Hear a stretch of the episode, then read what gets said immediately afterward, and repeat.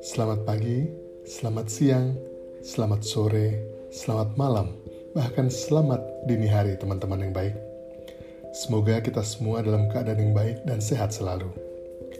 Selamat datang di podcast Here for You, sebuah podcast yang secara spesifik akan membahas tentang dinamika dunia kerja. Saya Ganet, teman Anda dan host dari podcast ini. Selamat datang di episode perdana podcast Here for You. Sesuai janji, saya akan membahas email dari teman-teman yang sudah saya terima di email hereforyou3000 at gmail.com. Sebelumnya, saya ucapkan terima kasih banyak atas kepercayaan dan keberanian teman-teman untuk sharing permasalahannya. Yuk kita ajak teman-teman yang lain mendengarkan dan berkontribusi ke podcast ini. Semakin banyak email dari teman-teman, semakin semangat saya membuat episode baru untuk menjangkau lebih banyak teman-teman di luar sana yang mungkin memerlukan teman bicara dan tukar pikiran mengenai kondisinya dalam pekerjaan dan di tempat kerjanya.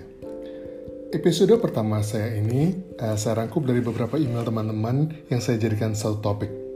Topiknya menarik nih, topiknya 3T. Teman, tukang tikung. Teman-teman yang baik, Berikut saya bacakan email teman kita ya. Tidak lupa dengan menyembunyikan identitas teman pengirim sesuai dengan janji kita. Oke. Pagi Om Gan. Semoga kabarnya baik selalu. Om, gue begah banget nih di kantor. Di tim gue ada tukang tikung jawara. Kami berempat dalam satu tim. Bos gue seru dan asik. Asik banget bahkan ini tahun ketiga gue kerja dalam tim ini. Oh ya, gue di Departemen Marketing sebuah FMCG ya om, khusus untuk satu brand. Gue bisa bilang, uh, bisa dibilang paling lama kerja bareng sama bos gue ini. Gue direkrut 3 tahun yang lalu. Nah, 8 bulan lalu, bos gue rekrut satu orang lagi. Anaknya asik, pinter juga. Tapi lately ketahuan banget kalau dia ini tukang tikung. Setiap kali kita habis diskusi berempat, tanpa bos, tanpa si bos tentunya, tiba-tiba aja dia akan berinisiatif untuk mengupdate bos kita, tanpa bilang-bilang ke kita tentunya.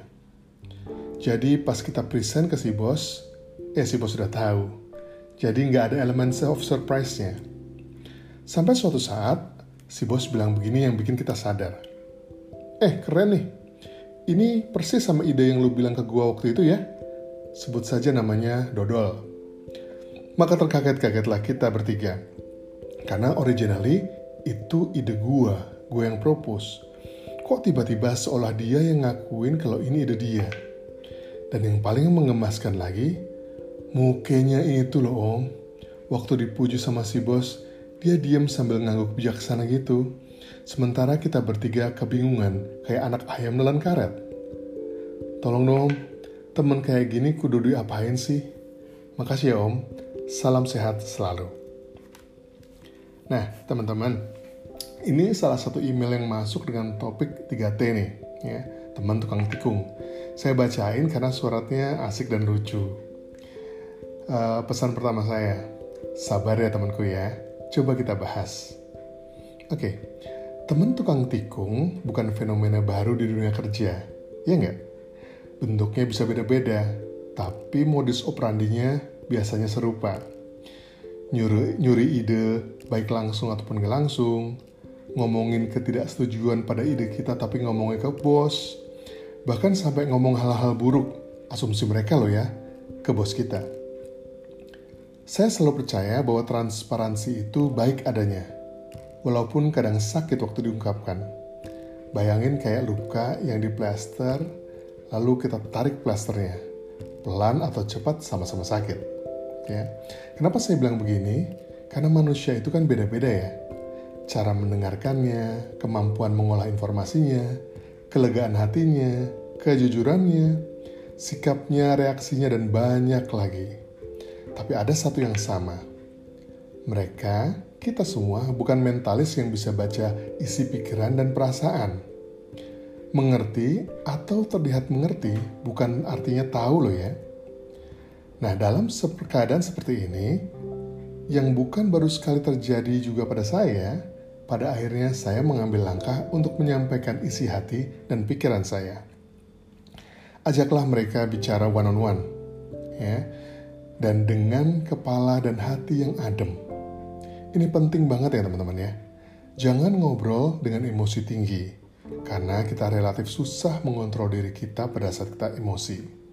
Kalem aja, sampaikan apa yang mengganggu pikiran teman-teman dalam bentuk klarifikasi.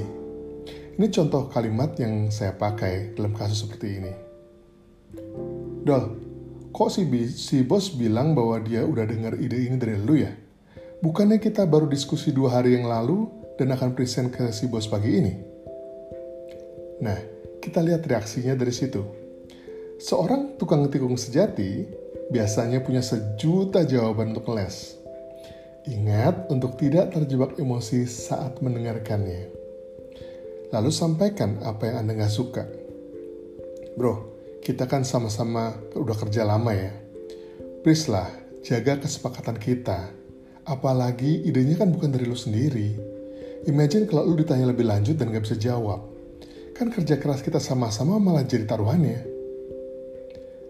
Tantangan terberatnya teman-teman adalah apakah kita bisa kembali percaya pada teman tukang tikung seperti ini? Apakah dia nggak akan mengulangi lagi per perbuatannya? Apakah dia tetap bisa jadi teman kerja yang baik? Dan masih banyak keraguan lagi-lagi di hati kita. Forgive and forget.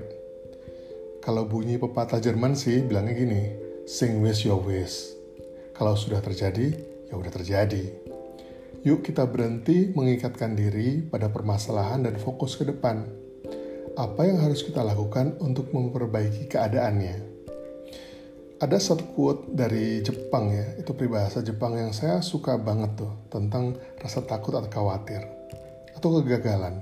Kata-katanya gini, fall down seven times, get up eight times.